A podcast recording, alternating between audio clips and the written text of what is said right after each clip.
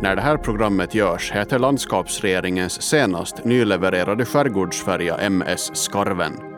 Fartyget sattes i trafik den 5 mars 2010 men det blev långt ifrån en smidig process. Jag heter Rasmus Karlsson och ska ta med er i hur det gick till senast landskapet lät bygga en ny skärgårdsfärja.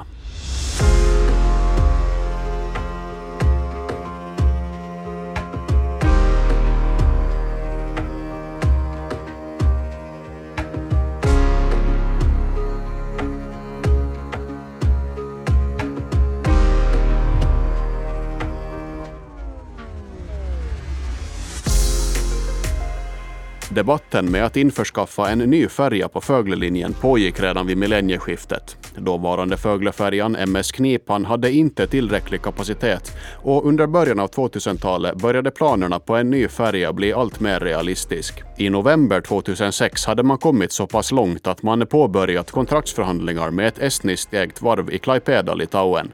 Runar Karlsson tillträdde som trafikminister 1999 och var med under stora delar av processens gång. Han berättar att det inkom tre stycken anbud på bygget. Förutom varvet i Litauen kom det in ett anbud från Sri Lanka och ett anbud från ett nordiskt varv.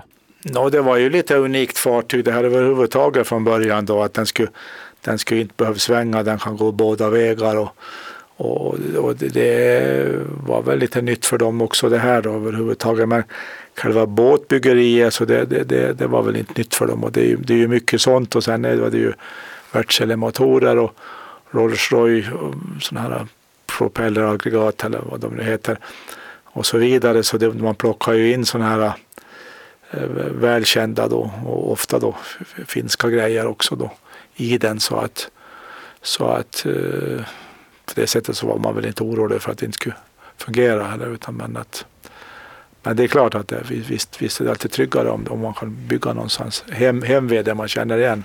Så det med allt. Inledningsvis löper bygget av den nya Föglefärjan på till synes smärtfritt. Kölsträckningen sker i början av oktober 2007, knappt 11 månader efter kontraktsförhandlingarna inleddes. Runar Karlsson var en av dem som var på plats från åländskt håll då. Kölsträckningen gjordes ju sen då på ett sånt sätt som man, ja, man, man har ju aldrig varit med om att bygga en färja förut så det var ju lite pompa och ståt där och det var väl lite i och med att nu, nu, nu här orten att det var inte så länge sedan som de tillhörde ostblocket så var det väl lite lite pompa och stå till, i den andan om man säger så. Och det var ju i och för sig en upplevelse så att det var då, då har man ju kommit, kommit en, en bit på väg i alla fall. Hur, hur kändes liksom eh, allting med, med bygge och så då? Kändes det bra eller var det?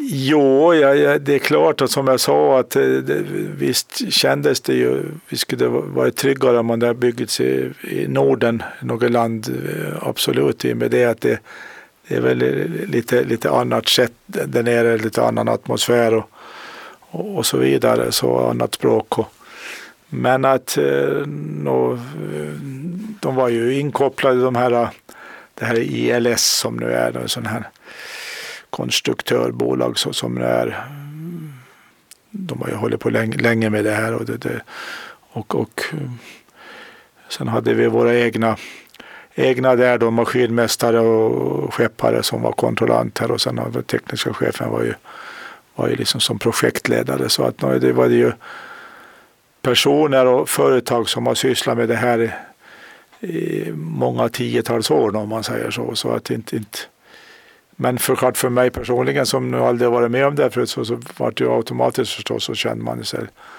naturligtvis lite osäker och lite okunnig. Men att jag förlitar mig förstås på, på hela den här kompetensen då, så, som, som nu fanns till hands då. Runa Karlsson nämnde tekniska chefen och projektledaren. Det var Göran Holmberg och det blir ett återkommande namn under hela projektet med den nya färjan. Färjan, som i det här skedet inte hade något namn, så var tänkt att levereras till landskapsregeringen i december 2008. Men den 11 juli det året så rapporterades det om en försening av leveransen. Nu är det nämligen februari 2009 som gäller. Det här blir startskottet på en kavalkad av leveransförseningar. Februari 2009 blir 30 april som sen blir slutet av maj. Tekniska chefen Göran Holmberg berättade för Ulf Weman i Ålands Radio vad den förseningen berodde på.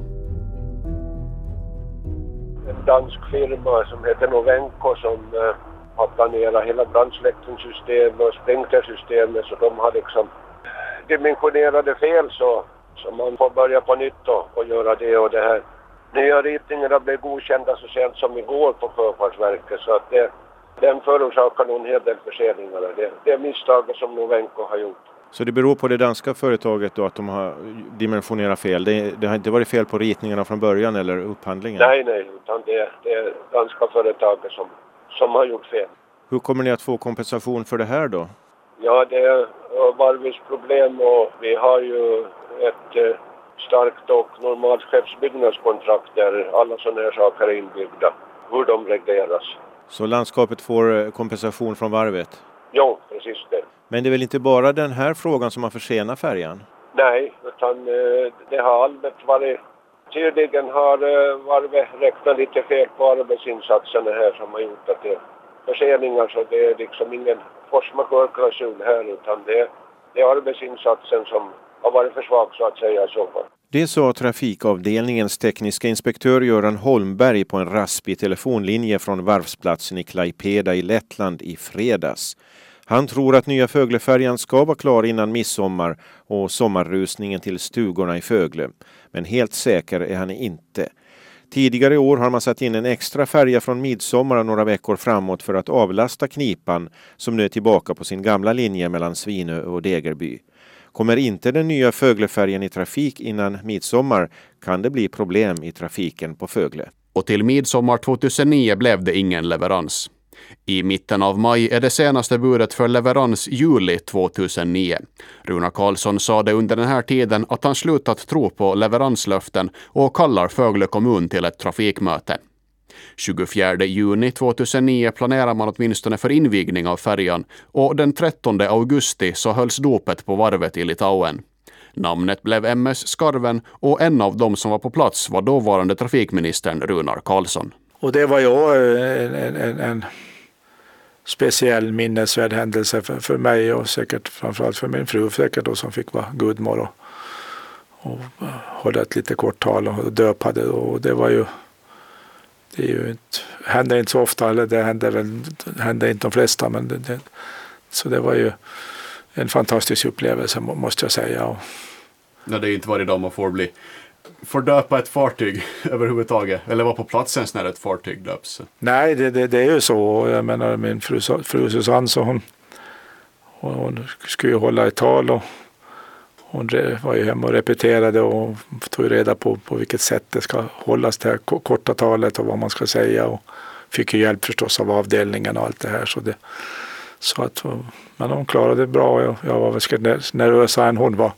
om man säger så. Men det, det förlöpte bra och det var som sagt det var, det var en, en, en fin upplevelse. Och sen förstås efter det då så, så var det ju mindre roligt då när det började, började storma lite om projektet. Som Runar Karlsson sa, det började storma om projektet som vid det här laget var cirka nio månader försenat. Strax efter dopet slutade dock Runar Karlsson som trafikminister. Det här eftersom man var mitt i mandatperioden och man hade beslutat om att han och Veronica Törnros skulle sitta halva perioden var. Alltså först Runar Karlsson i två år och sen från den 2 september Veronica Törnros i två år. Runar Karlsson är efter det här inte lika insatt i detaljerna kring MS-skarven. Ja, no, det blir ju automatiskt så. Då sitter du i regeringen, då sitter du ju liksom inne och du får alla kunskaper direkt och så vidare. Det lagtinget så blir du jättemycket utanför. Så att eh, det är klart att, att jag trivdes bra med uppgiften. Att, vet jag, man kände mig lättad heller att, att, att, att, att jag slutade och, oberoende hur det vart skriverier med det här. Men att det blir ju så en automatik att man blir helt enkelt utanför och man har ingenting där att göra med. Ja, hur kändes det förresten? Du hade ju ändå varit trafikminister i, i nio år. Det måste ju vara en ganska eh, stor förändring. Det blivit liksom ditt, ditt arbete på det sättet en ganska lång tid, i, i alla fall i politiska sammanhang.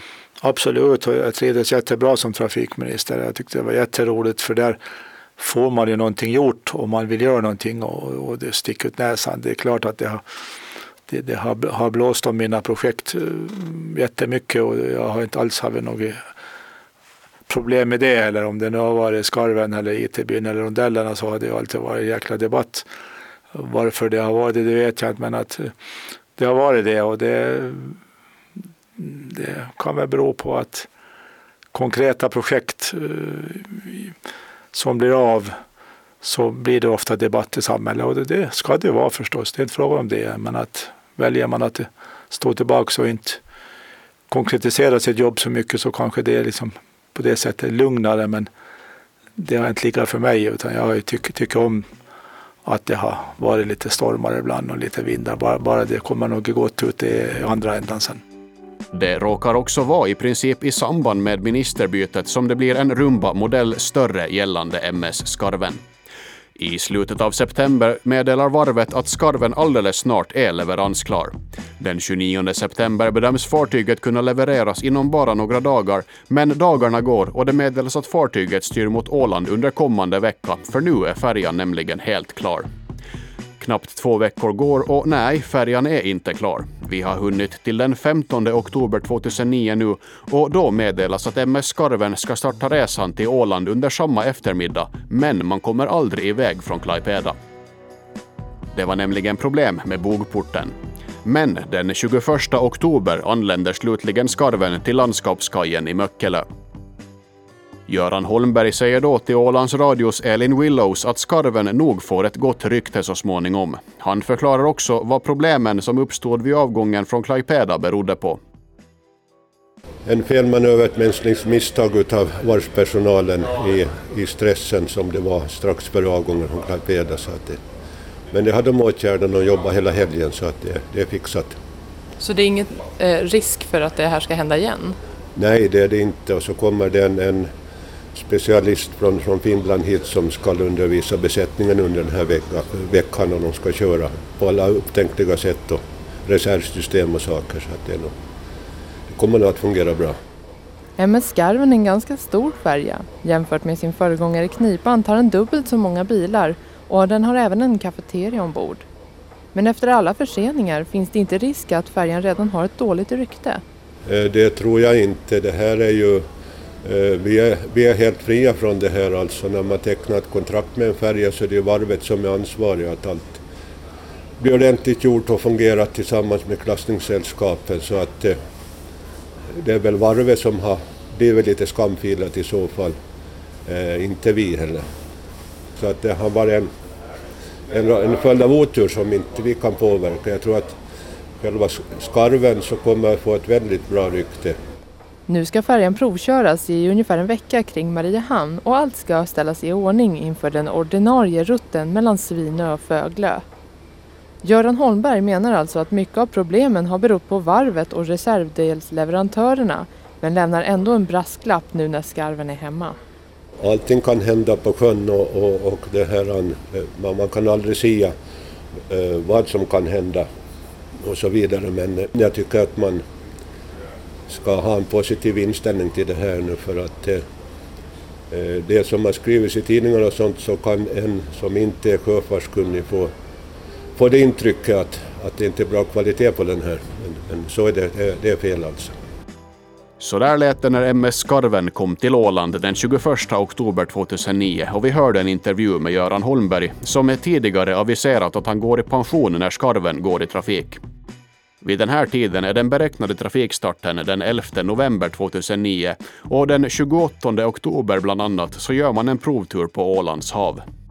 Trafikstarten skjuts dock upp till den 19 november på grund av tekniska problem med hyllorna ombord på bildäck. Några dagar går och turerna de fortsätter. Den 13 november 2009 blir ett nyckeldatum i den här historien. Först meddelas det att skarven lutar och är för tung, så trafikstart är i fara. Det framkommer också i media att Göran Holmberg, som alltså varit ansvarig på tjänstemannanivå för hela bygget, fått lämna sina uppgifter dagen före. Enligt Göran Holmberg, som i media säger att han tagit en timeout, återstår det nu två timmars arbete på MS Skarven innan hon är helt klar, men arbetet har nu stoppats helt och hållet. Det meddelas om rokader i skärgårdstrafiken och den nyligen avsatte Göran Holmberg kallar till presskonferens ombord på Skarven. Göran Holmberg hinner bland annat säga att slagsidan och vikten inte är något problem innan hans chef Niklas Karlman kommer in och helt sonika avbryter presskonferensen. Göran Holmberg får i anslutning till det här sin dator beslagtagen och hans arbetsrum vid landskapsregeringen, ja det förses med ett hänglås. Tidigare trafikminister Runar Karlsson säger så här om situationen som uppstod de här dagarna. Det var ju så en, en, en, en sorglig historia, en jättesorglig historia. Jag var ju eh, media tog kontakt med mig när, efter det att man har sett en hänglås på Göran Holmbergs rum. Han, han jobbade, jag tror han jobbade 38 år på trafikavdelningen. Några veckor före han gick i pension så valde man att sätta hänglås på hans rum och det, det var ju liksom nog en, vill jag väl påstå, en skandal som utan lika mot en tjänsteman som nu har gjort oerhört mycket gott för skärgårdstrafiken. Det finns ingen på Åland då och idag som var så kunnig inom skärgårdstrafiken som Göran Holmberg. Han kunde i princip turlistan utan till. Han visste varför den måste se ut som den ser ut för att kombinera med alla möjliga skolor, mjölktransporter, näringsliv, turister, allt. Det här, det här kunde han. Sen var han ju liksom av den gamla stammen och kanske jag, jag, jag, jag ibland så på allvar och lite på skämt sa jag åt honom att, att Göran, när politikerna säger att vi måste minska byråkratin så sa det gäller inte dig, du måste öka den du. och han var ju av den gamla stammen som vill få något gjort och tog då ibland beslut kanske som inte var riktigt by the book. Men det var alltid, alltid var det i, i landskapets eller skattebetalarnas intresse. Alltid var det så. så att jag var intervjuad i det sammanhanget av tidningen där jag gick ut och starkt försvarade Göran Holmers agerande i det här projektet. Och eh, det, det, det, står jag fast för än idag. Eh, vi ser ju, jag vill påstå att, att skärgårdsfärjorna var i bättre skick då än de är nu. Och det är, är Göran Holmbergs förtjänst. Man, man, han kritiserades för att, att han att färjorna fördes lite för ofta på varv, det var för dyrt och så vidare. Men i gengäld så gick de. Så att eh, jag står nog fast vid, vid, vid mitt försvar till, till, till Göran Holmberg. Det, det, gör jag. Och jag tycker att man, man bar sig illa åt mot honom, mycket illa åt. Men vad beror allt det här på nu då? Det som är klart är att det under byggnationens gång, i september 2007 nämligen, gjordes en tilläggsbeställning på en överbyggnad på MS Skarven. Den kostade 250 000 euro på ett ungefär och det var Göran Holmberg som på pappret tog beslut om beställningen. Och det återkommer vi till i ett senare skede.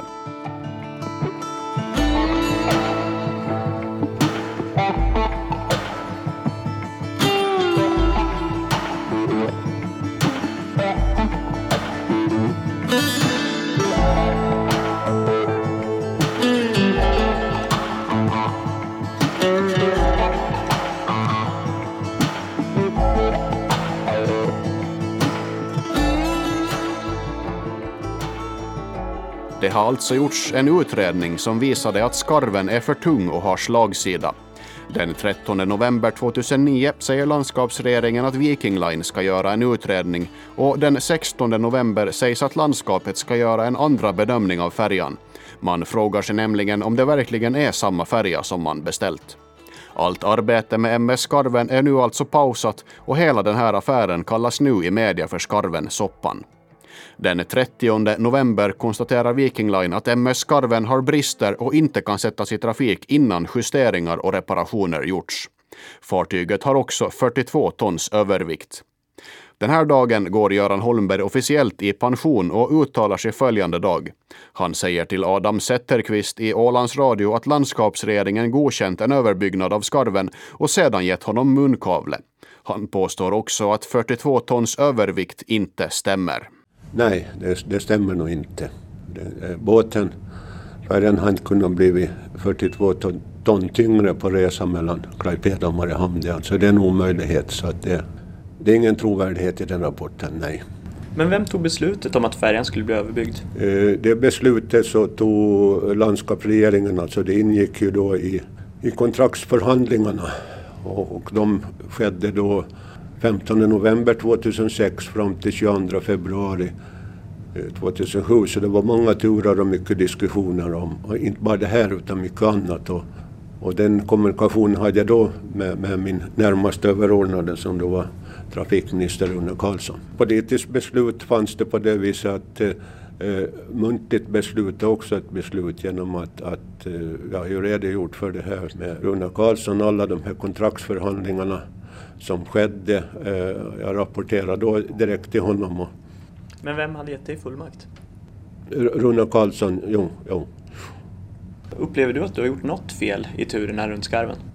Nej, ingen är felfri men eh, som jag känner det så, så är jag stolt över att, att vi har fått en väldigt modern, fin färja till ett väldigt billigt pris. Men om inte du har gjort något fel, varför vill de sätta munkavle? Systemet är ju det att, att eh, inom förvaltningen att man får ju aldrig kritisera regeringen utan man ska vara hundraprocentigt lojal. Och det har man eh, som tjänsteman väldigt svårt att vara ibland. Man måste tyvärr säga sin egen åsikt ibland. Nämnde jurister, har du redan jurister inkopplade? Jag kan säga att jag har, jag har erbjudanden. Det sa Göran Holmberg den 1 december 2009. MS Skarven ska av allt att döma till Åbo för att fixas, men det är inte säkert att det här kommer att gå. I mitten av december kommer varvet till Åland för inspektion och det framkommer att reparationerna inte kan påbörjas innan årsskiftet. 2010 kommer och den 7 januari så meddelar befälhavare på Skarven att de slutar då de är missnöjda med landskapsregeringens hantering. Albin Dalin intervjuade trafikminister Veronica Törnros då. Jag tycker ju att det är tråkigt att, eh, att de i egenskap av både befälhavare och chief då, väljer att stiga av det här projektet nu. Men kan du ha förståelse för att de tycker att det är väldigt jobbigt med eh, den här processen som just nu pågår med den här färjan?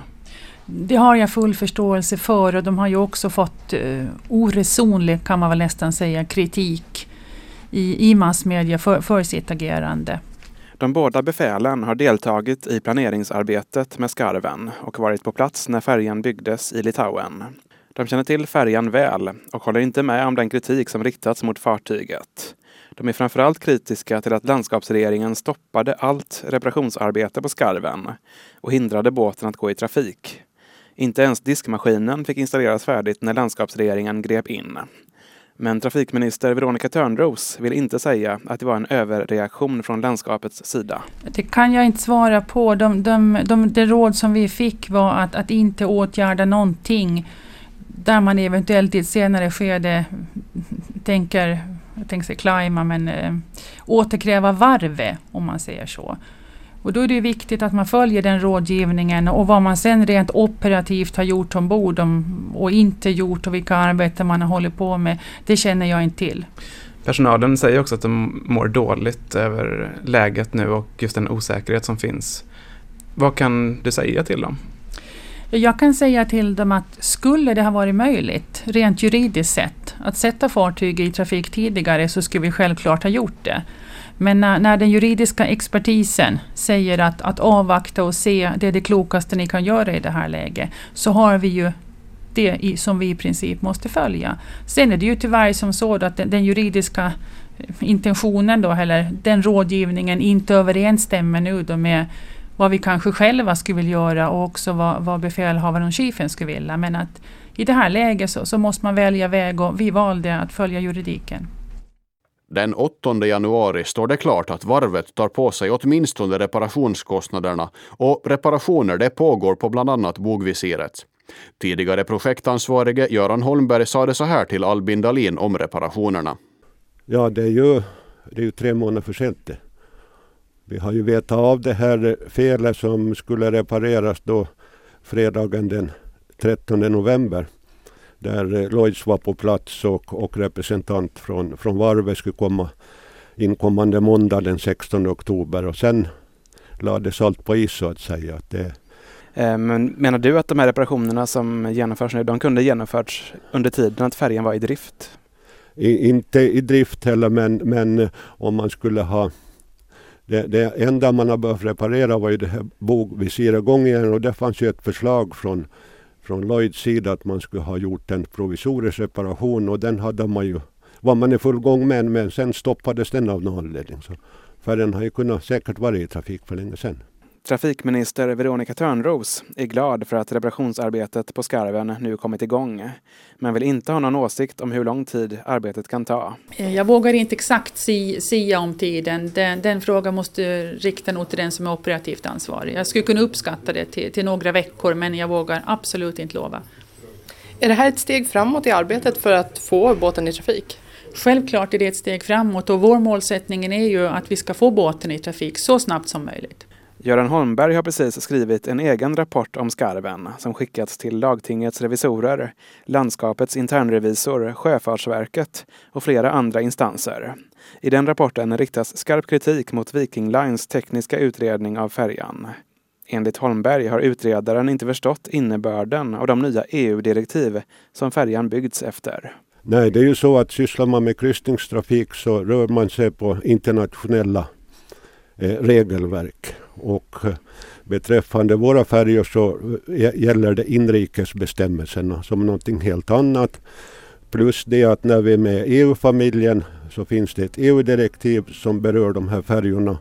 Och jag skulle säga att, att det, det har nog inte Viken en aning om vad det innehåller. Och det bör man ha om man tittar på en sån här färja.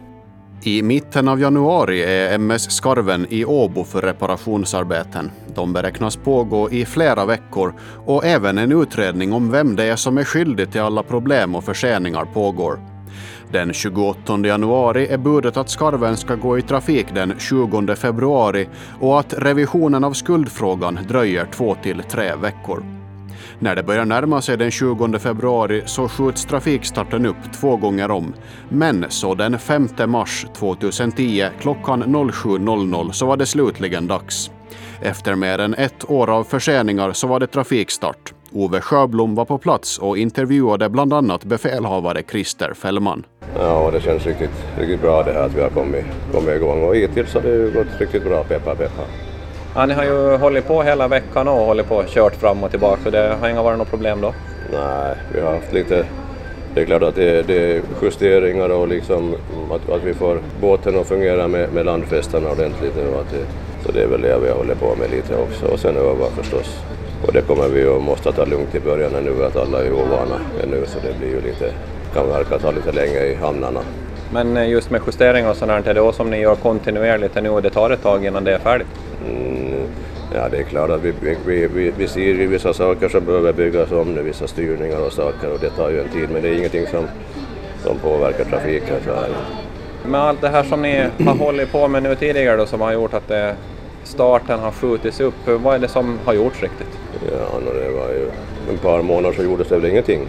Det bara funderades, tror jag. Eller jag vet inte riktigt vad det var.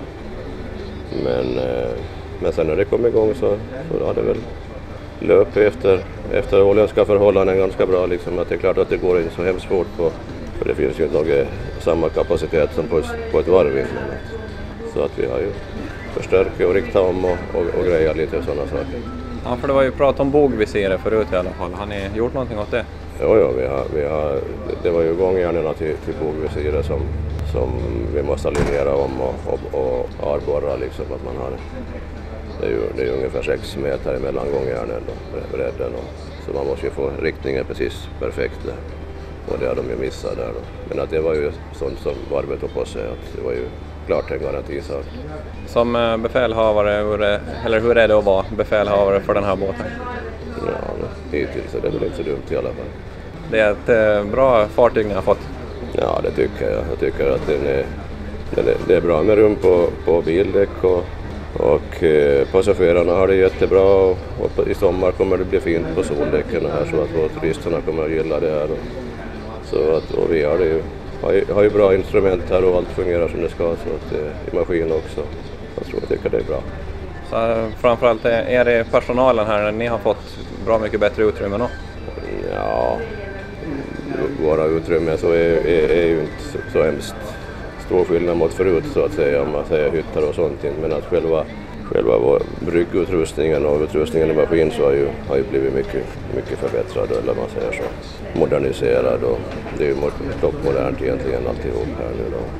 Och, eh, och det hänger ju mycket ihop också att den byggs enligt de här EU-reglerna. Det är ju Jag tror det är bara en förut i Finland som har byggt och det var bara en liten, det var den där Sveaborgsfärjan i Helsingfors.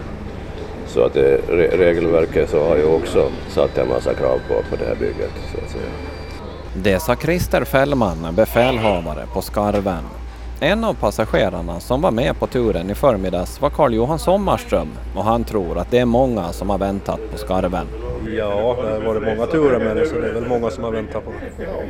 Hur eh, brukar du själv, brukar du ofta fara över till Fögle? Ja, jag får väl kanske en, en gång i månaden ungefär. Eller ja, ett par gånger i månaden.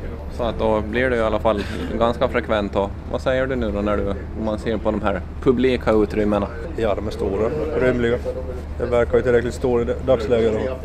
Då. Nästan som man tycker med så här kort uh, tur så, så är det väl tilltaget. Ja, på vintertid kanske, men sen är det väl sommarhalvåret så är det väl rätt så mycket trafik. No, jag heter Sinikka Vartiainen från Sonnboda i Fögle. Mm. Och jag heter Tenho Vartiainen och vi delar tidning. ja, eh, jag förstår att det är första turen som ni är med skarven nu? Vi är nog nu på första turen mm. med skarven. Och vad tycker ni nu då? No, den ser ju pompig ut den här. Det är alldeles ypperligt men jag började med att stälpa omkull där på däcket för den var så fruktansvärt hal. Ja, det var verkligen min, Min käpp tog inte emot på den. Men man, man gör väl inte det bara en gång så då kommer man bli lite försiktigare. Men eh, nu när ni, har, när ni sitter här i kafeterian, då, vad tycker ni om den? Jo, det ser lite lyxigt ut men en annan Föglebo som jag sa att det var väldigt vad det är fint så sa hon att det är vi värda. Jo, sa jag när vi skumpade med Sjöbloms äh, fiskeskuta och tog flera timmar mellan Fögle och vart det nu han äh, landade, Lumpaland. Så, så vi har fått se den ända ifrån det allra ynkligaste och till det här så att det här är nog det mest lyxiösa mellan de här rutten i alla fall. Och vad säger ni om uh, allt det här tjafset kan vi väl säga som har varit som har dragit ut på trafikstarten? Nu, nu är det ju lite fenomenalt att den blir så mycket försenad nu, det måste man ju säga. Men det är ju många saker som har spelat in har man förstått. Men att uh, den är ju här nu, men att hur slutnotan blir, det är väl inte klart ännu. Står väl skrivet i stjärnorna? det kan vara så. Så där lät det alltså den 5 mars 2010 som var den allra första dagen som MS Skarven var i trafik.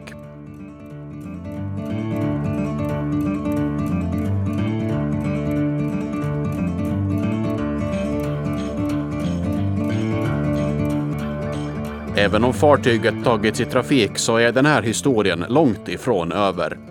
Den 24 mars så är en utredning om skarven klar, men den hemligstämplas.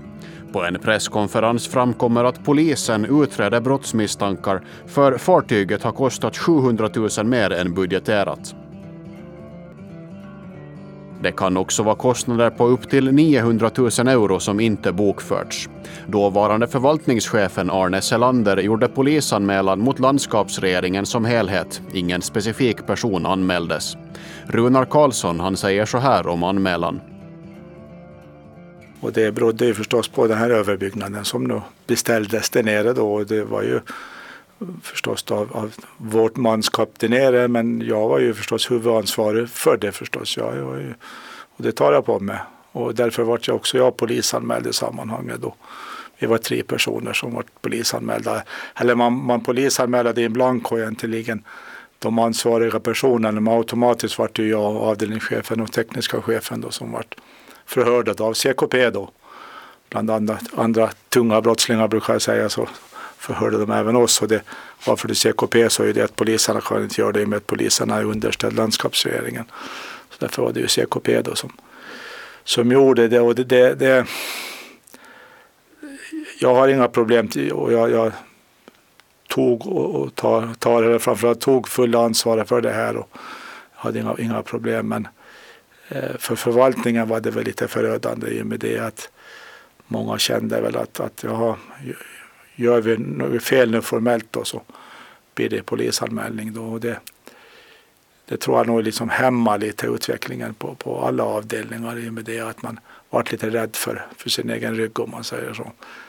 Men att som sagt för min del hade jag ju inga, jag tyckte väl mest synd om tjänstemännen då så, som, så, som, som hade som sitt, sitt förvärv och, och, och eh, gjorde det de tyckte var, var det bästa. Och jag satt på politiskt förtroende så jag hade ju liksom inte på det sättet något problem utan mm, jag tänkte att vi, det är bra då att det genomlyses där får vi se då om det gjorts något brottsligt. Formellt fel hade gjordes det naturligtvis i med det att man tog inte de formella besluten. Men vad det brottsliga var, det, det, det har jag svårt att förstå. Den 25 mars befinner sig Göran Holmberg på Teneriffa. Han sade då till Ulf Weman i Ålands Radio att han är lugn och att han gläder sig över hur fin MS Skarven blev. Han hävdar att allting gick till på rätt sätt och landskapsrevisionens rapport som säger att utgifter redovisats fel och tilläggsinvesteringar tagits på fel nivå, ja, de tillbakavisar han. Nej, det, en, det, det kan jag säga. Det är en stor lögn. Det, det vem som har gett dem uppgiften, så det är en stor lögn. Men det här är enligt man... Eh, landskapsrevisorns rapport?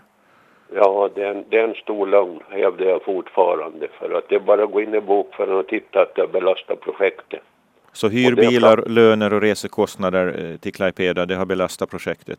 Japp, och det framgår också från handlingarna i samband med tilläggsbudgeten i höstas för det här projektet. Så, så framgår det klart på, på, att det har budgeterats på rätt konto på projektet. Det finns handlingar som du kan få ut från lagtinget som bevisar det. Så det här är helt enkelt fel menar du? Ja, det är en, det är en lögn säger jag. Eh, de här 240 000 för att täcka bildäcket då, det, eh, där har man inte hittat något protokoll som skulle visa att, eh, att det var godkänt? Nej, det är en, det är en diskussion som, som man hade, som jag hade som projektchef med, med trafikminister Rune Karlsson och speciellt pro, protokoll finns det inte. Det kanske finns en e-mail-korrespondens eller liknande men något protokoll finns det inte, nej. Så, det, är, det, är, det är ett muntlig diskussion det. Så Rune Karlsson godkände det? utan ja. att det protokollfördes? Ja.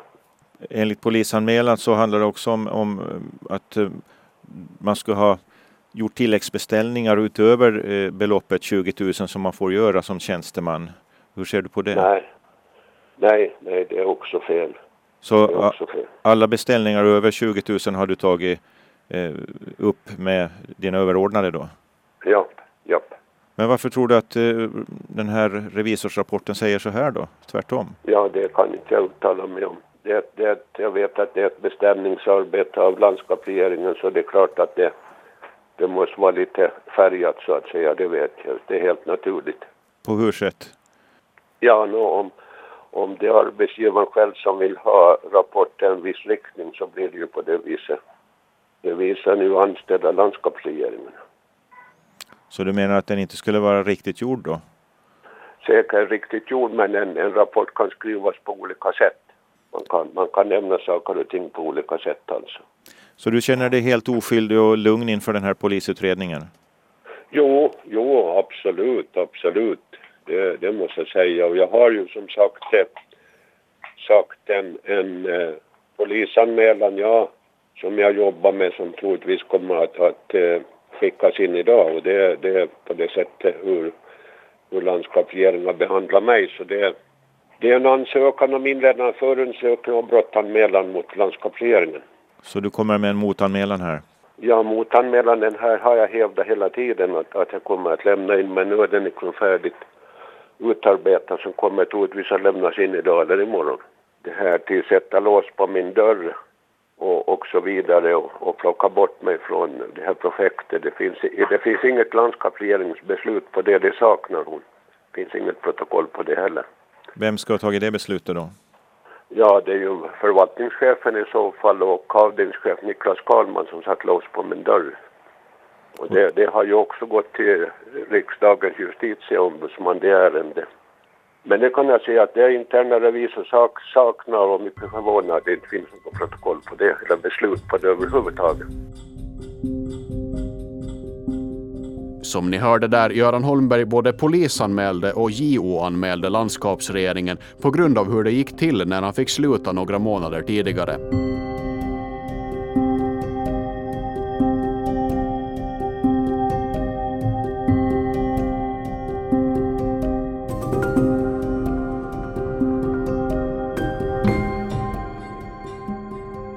Under april 2010 började gå rykten om att varvet i Litauen gått i konkurs.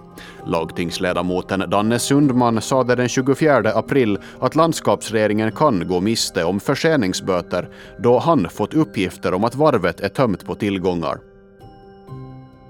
Hösten 2010 så begärs varvet slutligen i likvidation av ägarna. Det här ska inte vara något som påverkar landskapsregeringens krav på förseningsböter sägs det då, men nu talar man med likvidatorn istället. Samma höst så växte dessutom opinion för att sälja skarven under ett trafikmöte på Fögle. 2010 har nu blivit januari 2011 och då tar en skiljenämnd i Stockholm upp leveransförseningen av MS Skarven. Fartyget blev ju slutligen 220 dagar försenat från varvets sida och för det vill landskapsregeringen ha 1,8 miljoner euro plus ränta. Det är också något som varvet sedan döms att betala. I maj 2011 kommer ett beslut från justitieombudsmannen där det meddelas att Göran Holmbergs klagomål avvisas. Det var rätt att beslagta hans dator och låsa hans arbetsrum i november 2009. Senare ska också förvaltningschef Arne Selander frias för det som Göran Holmberg ansåg var en ärekränkning mot honom. Under 2011 så blir det också osäkert hur det ska bli med pengarna till landskapsregeringen gällande förseningsböterna, för man har nämligen inte fått några pengar ännu. Under hösten så stämmer landskapsregeringen varvet och efter ett beslut i en estnisk domstol i mars 2013, alltså över tre år efter den ursprungliga leveranstiden, så ska man få sina 1,8 miljoner. Den estniska motsvarigheten till hovrätt ändrar dock domen om pengarna, så nu ska man inte få några. Och så blir det också efter att Högsta domstolen inte tar upp fallet. Under de här åren har också anmälan mot det som av allt att döma är mot den tidigare trafikministern Runar Karlsson, tekniska inspektören Göran Holmberg och tidigare avdelningschefen vid dåvarande trafikavdelningen Niklas Karlman legat i luften. Det här hamnade på CKPs bord till en början och sen skulle riksåklagaren ta upp fallet. Men fallet det togs aldrig upp. Den 19 augusti 2014 lät det så här i Ålands Radio. Nu finns det på Åland en före detta minister och två höga tjänstemän som aldrig fick chansen att rentvå sig. Landskapsregeringens förre förvaltningschef Arne Selanders polisanmälan i fallet med de 700 000 euro som misstänktes ha betalats ut i samband med bygget av landskapsfärjan Skarven utan att det togs formellt rätta beslut i landskapsregeringen och lagtinget skulle ha blivit den förra landskapsregeringens sätt att tvätta byket. Men det blev i somras ett snöpligt slut på det för regeringen Viveka Eriksson. Fallet hade legat så länge hos åklagarna att det hunnit bli preskriberat. Arne Selander polisanmälde överskridningarna i färgbyggets budget till Centralkriminalpolisen CKP i mars 2010. Ett knappt år senare, i januari 2011, var CKP klar med sin förundersökning och lämnade över den till landskapsåklagaren. Runar Karlsson, Göran Holmberg och Niklas Karlman var misstänkta för brott mot tjänsteplikten. Nuvarande landskapsåklagaren Roger Eriksson var då tjänstledig för sitt uppdrag som kansliminister i samma regering som Runar Karlsson var trafikminister. Den regeringen föll i valet hösten 2011 och i slutet av året återvände Roger Eriksson till åklagarämbetet. Jag hade aldrig frågan på mitt bord, säger han till Ålands Radio. Det var en annan åklagare som hade ärendet, men två år efter att CKP lämnat över sin förundersökning tog ändå Roger Eriksson upp frågan vid ett möte på Riksåklagarämbetet i februari 2013. Statsåklagare Christer Lundström hade hellre sett att frågan tagits upp tidigare. Det hade varit lyckligare om, om den och diskussionen hade kunnat föras vid, tidigare, vid en tidigare tidpunkt. Vilken typ av förfrågan var det? Enligt den information jag har så har det varit fråga om ett muntligt samtal. Har, jag har inte varit, varit involverad i det själv. Men det var ingen skriftlig förfrågan härifrån då? Jag har inte sett någon sådan i varje fall. Nej, den skriftliga förfrågan sändes först förra hösten i slutet av oktober 2013 efter att Ålands Radio börjat fråga vad som hänt i fallet. Men då var det redan för sent. Tyvärr visade det sig sen att, att det inte var möjligt att få åtalsprövningen utförd inom en sådan tid att, att det skulle ha varit ännu möjligt före det att preskription inträdde. Och rapporterade där gjorde Ulf Weman. Runar Karlsson var alltså en av dem som inte fick något definitivt besked i eventuell skuldfråga rättsligt sett. För alla parter hade det varit bra om det kom en dom förstås. Då. Det, det, det, så är det väl alltid. speciellt när man räknar i sådana här fall. Skulle det blivit en dom om man skulle blivit skyldig så vet jag inte vad, vad, vad, vad liksom straffet skulle ha blivit om det, om det har blivit bara böter eller om det har blivit något annat. Eh, kraftigare hade det inte kunnat bli i alla fall. Eller kan jag tänka mig till. Så, så att, och sen, men sen fick man väl jag i alla fall den känslan då att man, man tyckte väl från den här myndighetens sida att det här var nog kanske inte man lägger överst i högen ändå utan det här är väl lite sånt som man kanske lite lägger längre ner och ansåg att det kanske inte var riktigt, riktigt det man ska syssla med. Så att eh, där, där har det varit något allvarligare så har man säkert utrett det och då det kommer en dom säkert.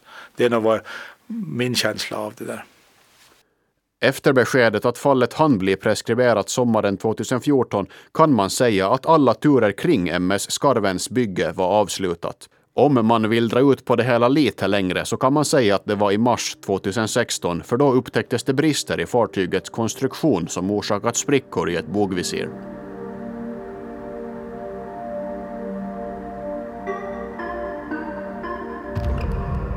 Men hur kunde det då bli så här? Att förvaltningschefen med stor sannolikhet och sin arbetsgivares vägnar polisanmäler landskapsregeringen självt? Och varför fattades det beslut om till exempel överbyggnad utan att det verkar gått helt rätt till? Jag frågar Runar Karlsson om det här handlar om ett skifte mellan gamla tidens tjänstemän, som man nog kan säga att Göran Holmberg tillhör, och den moderna förvaltningen med all byråkrati den medför. Exakt, jag tänker mycket på det där och precis de där tankebanorna har jag haft. Alltså det, det, det, det var en, en, en skarv där i, skarv i det här fallet, i kulturen alltså. Jag har ju själv jobbat på trafikavdelningen i unga år i sju år från 75 till 82. Eh, den tiden så, så sa man då att, att tjänstemännen består men politikerna kommer och går. Med det menar man då att det är tjänstemännen som bestämmer och så var det nog då, den tiden. Att, eh, speciellt det ekonomiska systemet var ju jättetrubbigt då, med att Åland fick ju pengar i förhållandevis till, till statsbudgeten så att eh, det var ju inte kanske så mycket som kunde beslutas politiskt heller utan det var ju liksom en automatik. Man stred väl om lite vägar och lite annat. Men, men det, det, var nog i praktiken det var en jättestark tjänstemannavälde den tiden och det, och det var det var det här, de som har jobbat hela livet där, så det är klart att de hade ju förstås svårt att anpassa sig till det nya, vilket jag har förståelse för. Då. Så, att, så i det här fallet så skulle det säkert ha eh, krävts ett, ett politiskt beslut innan man då skulle beställa överbyggnaden. Då. Men med all sannolikhet kan jag nästan gå ed på att den, den, skulle det ha förts upp för ett beslut så hade det blivit beställt i alla fall. För den, den behör, alla anser att det behövs en överbyggnad, att annars blåser ju liksom det havsvattnet på båtarna när det blåser, på bilarna när det blåser. Så. Men att eh, som sagt huvudansvaret var ju mitt. Det, det är ju helt klart det. Och det eh, man ansvarar för sånt som man inte ibland kan påverka. Men att, eh, men att eh, det här beslutet som togs då där nere på varvet av våra tjänstemän då så, så gjordes nog i det syfte att det behövdes och det var nog, det var nog liksom till gagn för, för, för trafikanterna och även för skattebetalarna. Så att det var ju någonting som, som man gjorde, tog någon beställning och gjorde av med pengar i onödan om man säger så, utan man fick ju valuta för pengarna.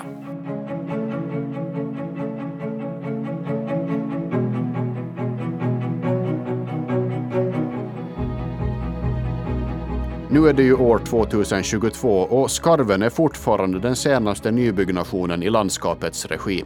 Runa Karlsson tycker att det sist och slutligen, alla turer till trots, blev lyckat.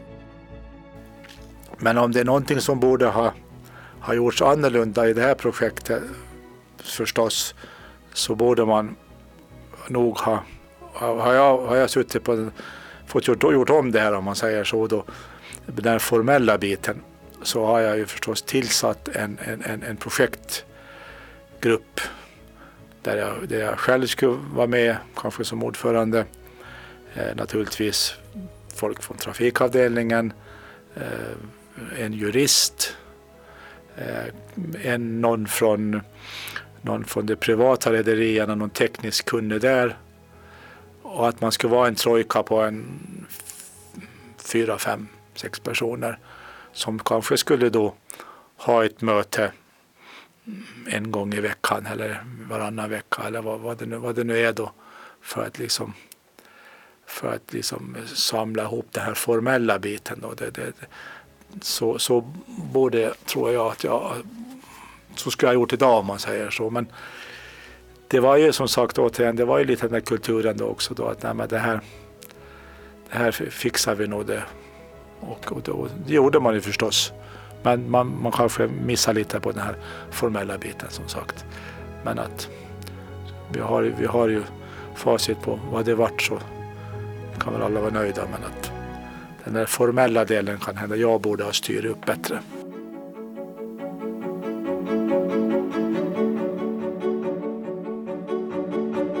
Som sagt, det är alltid så här med, med, med sådana här för oss större projekt, vad än det må vara, så blir det alltid debatter. Före, och under tiden och efteråt.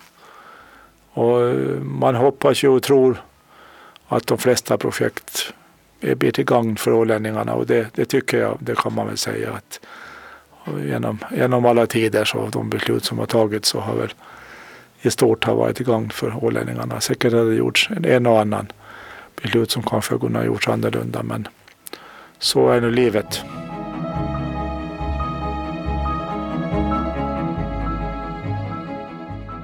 I det här programmet var tanken att intervjua de centrala personerna under den här tiden. Förutom Runar Karlsson som medverkat så har även tidigare trafikminister och nuvarande lantråd Veronica Törnros, landskapsregeringens tidigare tekniska direktör Göran Holmberg, nuvarande biträdande avdelningschef Niklas Karlman och tidigare förvaltningschef Arne Selander erbjudits möjlighet att medverka. Arkivmaterial i programmet är hämtat från Ålands Radios arkiv där den mesta informationen också hämtats från tillsammans med artiklar i lokaltidningarna. Programmet om MS Skarven producerades av mig, Rasmus Karlsson, under sommaren 2022 för Ålands Radio och TV.